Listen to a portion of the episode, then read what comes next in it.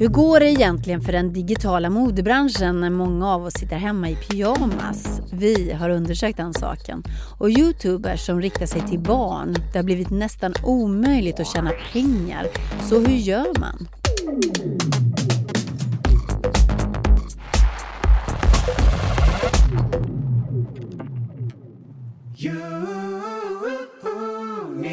stay six feet away, six feet away. You called me twice in a row. Hej! Den här gamla dängan känner ni väl igen vid det här laget. Det är social distansering som fortfarande gäller i det här landet och vår podcast vill bara påminna om det. Det här är alltså Breakits podcast. Katarina Andersson heter jag och i den här podden så spanar vi kring entreprenörskap, digitala affärer och det som vi kallar för det nya näringslivet. Våra reportrar Caroline Englund och Tobias Blixt är veckans spanare och du hör dem alldeles strax. Men först, här kommer veckans telegram.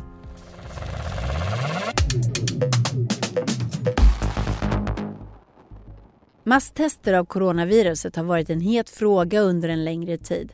Sverige har hittills inte testat så flitigt men nu vill Folkhälsomyndigheten öka antalet tester kraftigt. Ett mål har varit att nå upp till 100 000 tester i veckan. Nätläkaren Kry och medtechbolaget ABC Labs vill bidra till att fler testas.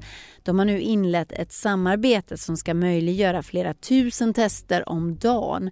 Totalt har ABC Labs tagit in cirka 40 miljoner kronor. Klarna-miljardären Niklas Adalberts Norrsken Foundation som har varit ledande i rundan. Den norska videotjänsten Pexip har fått ett rejält uppsving under coronakrisen och nu är bolaget på väg mot en notering på Oslobörsen. Pexips tjänst kan beskrivas som en utmanare till Zoom och i samband med noteringen så siktar bolaget på en värdering på 5,7 miljarder svenska kronor. Det kan bli den största noteringen någonsin för ett mjukvarubolag i Norden. Även Googles videotjänst Google Hangout som nu byter namn till Meet används flitigt världen över just nu. Användningen har växt med 2 miljoner nya användare per dag de senaste veckorna och antalet dagliga användarminuter motsvarar nu 3800 år av möten. Marknaden för elsparkcyklar har blivit betydligt svalare sedan coronaepidemin slog till mot världen. Flera bolag har pausat sin verksamhet i många städer och den amerikanska jätten Bird har bland annat gjort stora neddragningar. Det här påverkar naturligtvis också Voice storägare Vostok New Ventures som värderat sina andelar i bolaget. Nu har man sänkt värderingen på sin andel rejält. Från 102,4 miljoner dollar i slutet av 2019 till dagens värdering på 85,9 miljoner dollar. Ett tapp på ungefär en halv miljard kronor från 31 december till den 31 mars i år. Tungt alltså för Voi.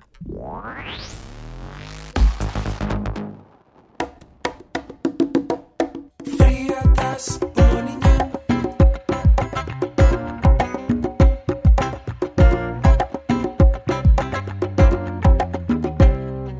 är det jag och Caroline Englund som är här och spelar in på distans. Hallå Carro under täcket, hur är läget? Hej hej, det är bra. Mm. Det är som vanligt varmt och så men jag hoppas det ska gå bra den här gången också.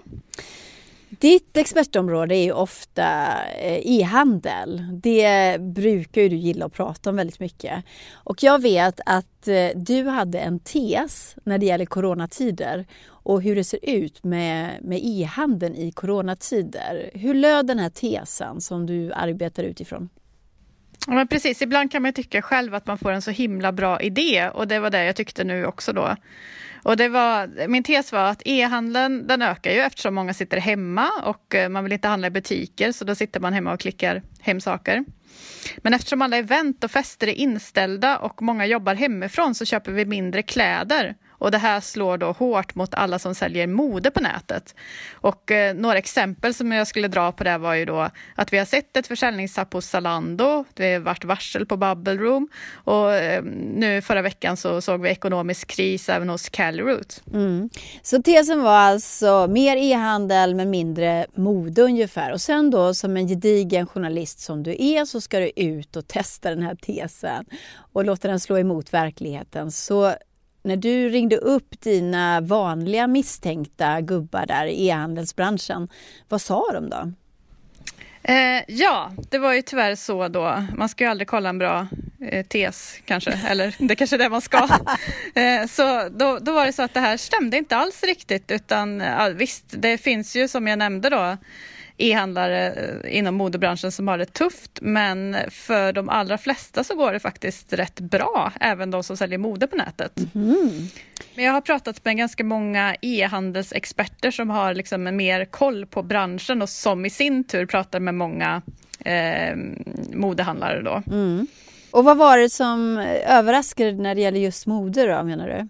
Att de faktiskt sålde Ja men precis, jag tänkte, jag utgick ju alldeles för mycket från mig själv. Jag sitter ju här i pyjamas eh, och har typ samma kläder på mig varje dag och köper, ja, jag har inte köpt någonting, något klädesplagg sedan i februari tror jag. Mm, samma med mig. Men eh, nu är det inte alla som är som oss Katt, utan de flesta, eller kanske inte de flesta, men det är många som ändå handlar kläder på nätet just nu. Alltså det är inte alla kategorier som går bra, men det man köper är då eh, kläder som man använder hemma och vardagskläder.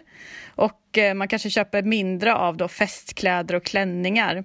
Och det kan ju vara ett svar på varför eh, det har gått mm, eh, sämre för Bubble Room till exempel som säljer mycket festliga kläder. Men jag trodde att folk också så här hade massa parties och så online och körde parties på det, på det sättet, men det gör man kanske inte. Jo men man gör faktiskt det och jag tänker att andra kanske är mer noga med då hur de ser ut på nätet för jag ser ju ja, inte så fräsch ut alltid på våra eh, videomöten men det finns nog de som ändå klär upp sig och, och anstränger sig även mm. eh, online. Just det. Äh, men jag tillhör samma kategori som dig Carro. Alltså, jag blir bara fulare och fulare för varje dag som går. Liksom. Ja, det är, det är helt galet. Här. Det här kommer ta en ände med förskräckelse om inte det här, om man inte får gå ut och röra sig på stan så man har, ja, så man har lite incitament liksom helt enkelt att bli lite snygg.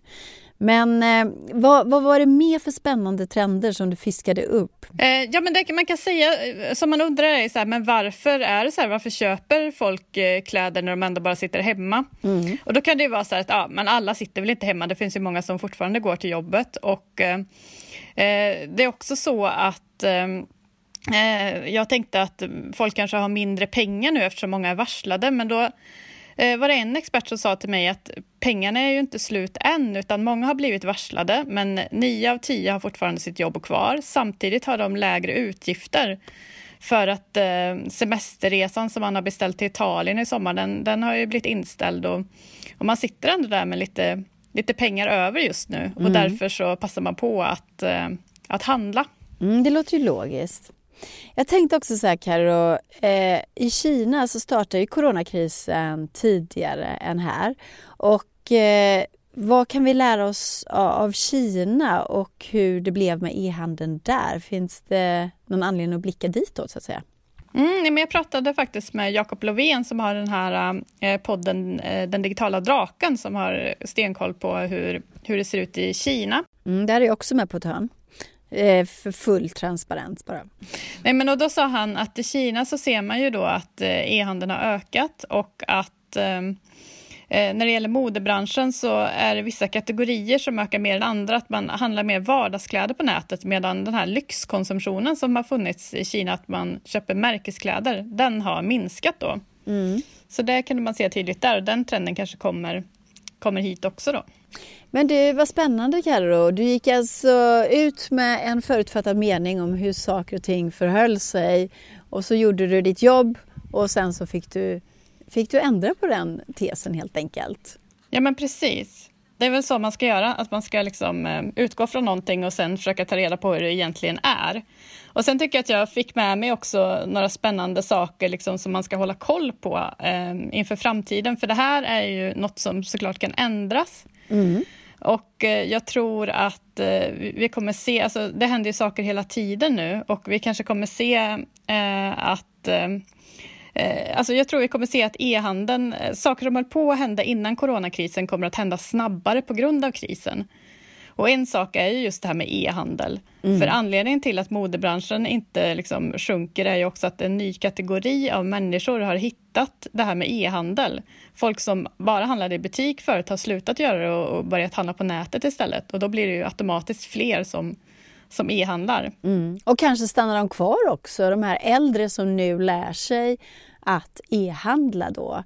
Jag såg till exempel att eh, Price Runner hade en stor annonskampanj i eh, gammelmedia där man liksom gick eh, igenom hur man e-handlar helt enkelt på ett väldigt pedagogiskt vis. Och, och, det har väl med det att göra, att man vill locka andra grupper helt enkelt. Så frågan är om de kommer vara kvar när krisen är slut. Vad tror du? Ja, men det tror jag absolut. Och sen tror jag också att vi kommer se ett skifte där. Eh, jag pratade med en aktör som säljer mycket kläder via wholesale, alltså via återförsäljare. Mm. Och eh, hon förklarade då att det, där tappar de ju jättemycket nu eh, och att de håller på och svänger om och satsar jättemycket mer eh, på sina egna kanaler. Och det här var ju något som hände, började hända redan innan krisen, att eh, eh, varumärken satsade mindre på återförsäljare och mer på egna kanaler. Och det här tror jag vi kommer se väldigt mycket mer framöver och att det här kommer skyndas på av, av krisen. Då. Det här säger Caroline Englund som är Breakits egen e-handelsexpert. Tusen tack för att du var med i podden igen Karo. Tack så mycket.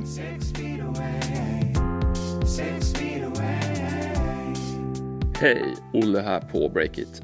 Den här veckan så sponsras Breakits podcast av GetGeek. Bolaget som löser alla dina problem med teknik och IT som kan uppstå i hemmet eller på företaget för den delen. Eh, det är ju många av oss, eh, jag själv bland annat, som lägger frustrerande mycket tid på strulande wifi, eh, routrar, installera ny TV kanske, få skrivaren att fungera mer än varannan gång. Och det blir ju aldrig sådär, sådär riktigt bra och långsiktigt löst. Och det här kanske särskilt gäller just nu när väldigt många jobbar hemifrån. Då kanske det blir ännu stökigare om till exempel wifi inte levererar som det ska. Uh, och nu behöver du inte längre knyta näven i fickan utan du kan kontakta GetGeek och beskriva ditt problem så får du hjälp att lösa det på distans eller genom att någon av bolagets experter kommer hem till dig och fixar biffen. Och det gäller oavsett vilket typ av problem eller vilken utrustning det gäller. De fixar det. Eh, om du känner dig träffad så kan du boka en geek idag på getgeek.se. Tack GetGeek! Du ser ut som en liten eh, De tre vise männen typ liksom med täcke över huvudet ja. sådär. Lite mantel över ja, huvudet. placerat mig här i sängen. Det här har jag bestämt nu. Det här är den sista veckan som vi ska spela in podd på distans. Sen har jag varit och köpt en sån här stor skiva, du vet. Plexiglasskiva. Ja, så som hänger på alla matbutiker nu nästan när man går runt. Precis, i ICA-kassan eller apoteket. Den sätter jag in i studion, så sätter jag den mellan mickarna. Och då kan vi liksom andas hur mycket som helst mot varandra utan att det, några mm. virus sprider sig, eller hur? Så kan vi stå där och, och spela in på. Det är mycket roligare faktiskt. Jag börjar tröttna på det här, börjar ruttna på det här.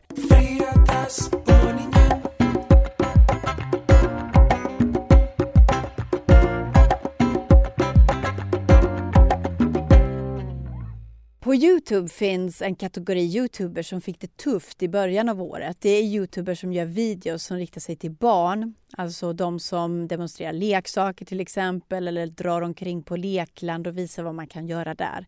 Och det som hände då i början av året det var att den amerikanska versionen av Konsumentverket slog Youtube på fingrarna. Nätverket följde nämligen inte reglerna för i USA så kan man inte rikta reklam till barn hur som helst och det där skötte alltså inte Youtube så bra. Så man fick stöpa om reglerna och i och med det så blev det mycket svårare för kanaler som riktar sig till barn att få in några pengar. Hallå Tobias Blixt! Hej Kat! Du spanade om det här i, eh, i början av året i podden om just det här med Youtube och barn och så. Och sen kom coronan och så har vi varit helt upptagna med det. Men nu vill jag veta hur det faktiskt har gått. De här kreatörerna som fick problem då i och med de här ändrade reklamreglerna. Eh, de var ju rädda för att intäkterna skulle försvinna helt och hållet. Och nu har du tagit reda på hur det blev. Så hur blev det? Ja, men det, vi kan väl säga att det blev ungefär som man trodde i, i den förra artikeln och när vi pratade om det senaste i podden. De kreatörer som helt har fokuserat sitt material mot en liksom barnmålgrupp, eh, de har ju sett kraftigt minskade annonsintäkter. Alltså, flera nämner ju siffror på att de har minskat eh, annonsintäkterna med 50-60 procent. Det är ganska stora tapp. Eh, och det var lite det man trodde på i början också.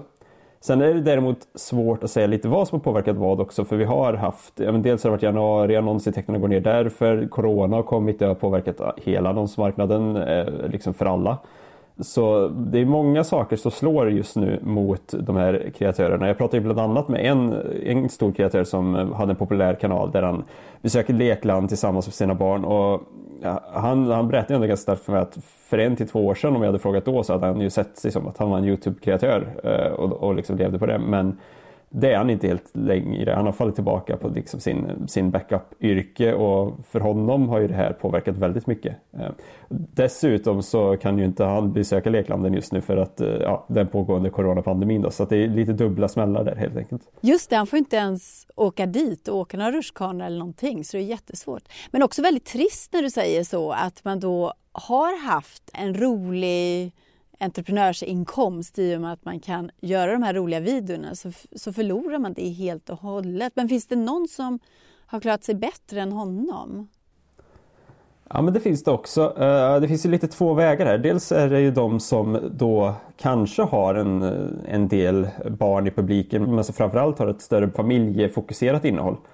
Som att det handlar om hela familjen och familjen gör saker tillsammans och då ser man det inte riktigt som att man sitter och leker med leksaker och man leker lite med slime och man gör sådana typiska barnaktiviteter utan man gör ett mer familjevänligt innehåll. Uh, och för dem som jag pratar med där så har de inte sett ett jättestort uh, tapp. Däremot så har de ju fått kanske tänka lite på vad man gör för samarbeten och tänka mer på vilken typ av innehåll man gör. Men det du säger är alltså att om man riktar sig till hela familjen då får man ändå köra reklam då? För då räknas det inte som barnreklam, är det så? Ja, precis, det, det här lag, lagen som Youtube hade problem med var ju att man får inte samla in data liksom, och, och använda den på unga under 13 år eh, specifikt. Så att då, då kommer man undan lite genom att rikta sig mot, mot en annan målgrupp helt enkelt. Eh, så om man gör barnaktiviteter eh, som, som är väldigt uppenbara att det här innehållet riktas mot barn, då måste man antingen märka eh, det klippet som att det här är ett eh, klipp riktat mot barn eller som man bara gör sånt så man ju då märka upp hela kanalen och det är framförallt då man måste märka upp hela kanalen som att det här eh, innehållet är riktat mot barn som man börjar få problem kan man säga. Okej. Okay. Men hur gör de nu då som bara gör program och video som riktar sig mot barn? Om intäkterna har sjunkit så mycket som kanske 60 procent, har de helt och hållet lagt ner kanalerna då?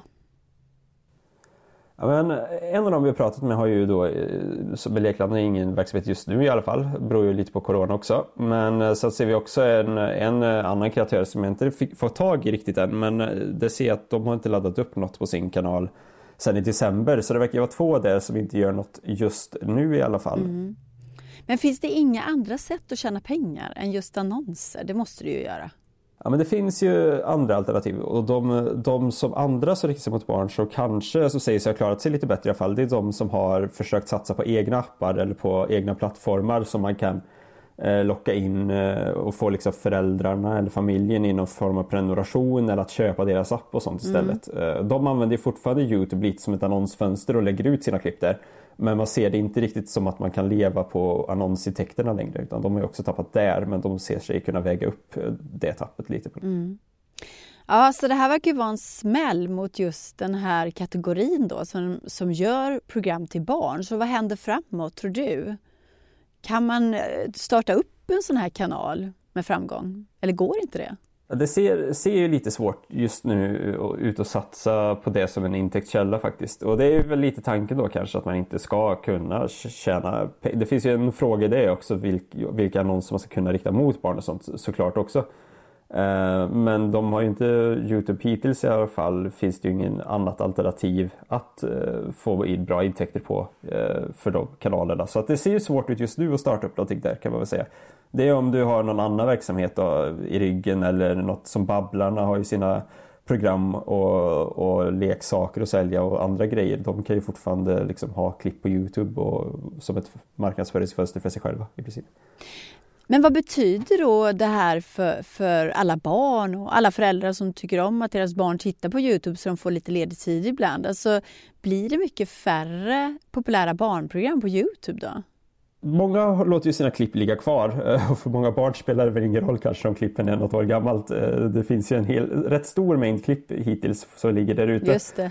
Eh, så att det, det, finns nog saker att titta på. Men däremot de kreatörer jag pratar med, de som själva sysslar med detta då, de har ju en, en liksom del i det här själva men de ser det ju som att det finns en risk att det kanske blir lite mindre kvalitativt innehåll om, om de inte kan leva på det längre. Och de ser ju risk att om färre satsar på Youtube att göra barninnehåll där så kommer det att bli lite sämre kvalitet helt enkelt. Mm.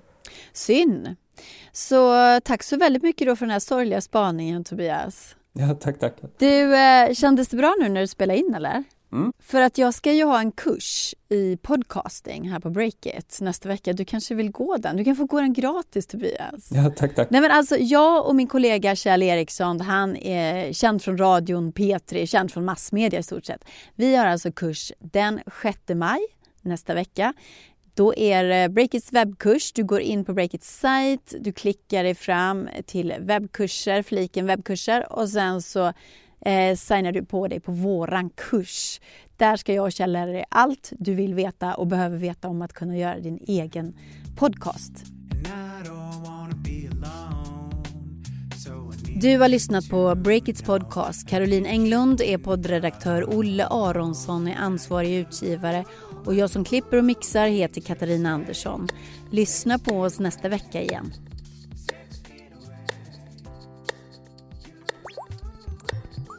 Bye.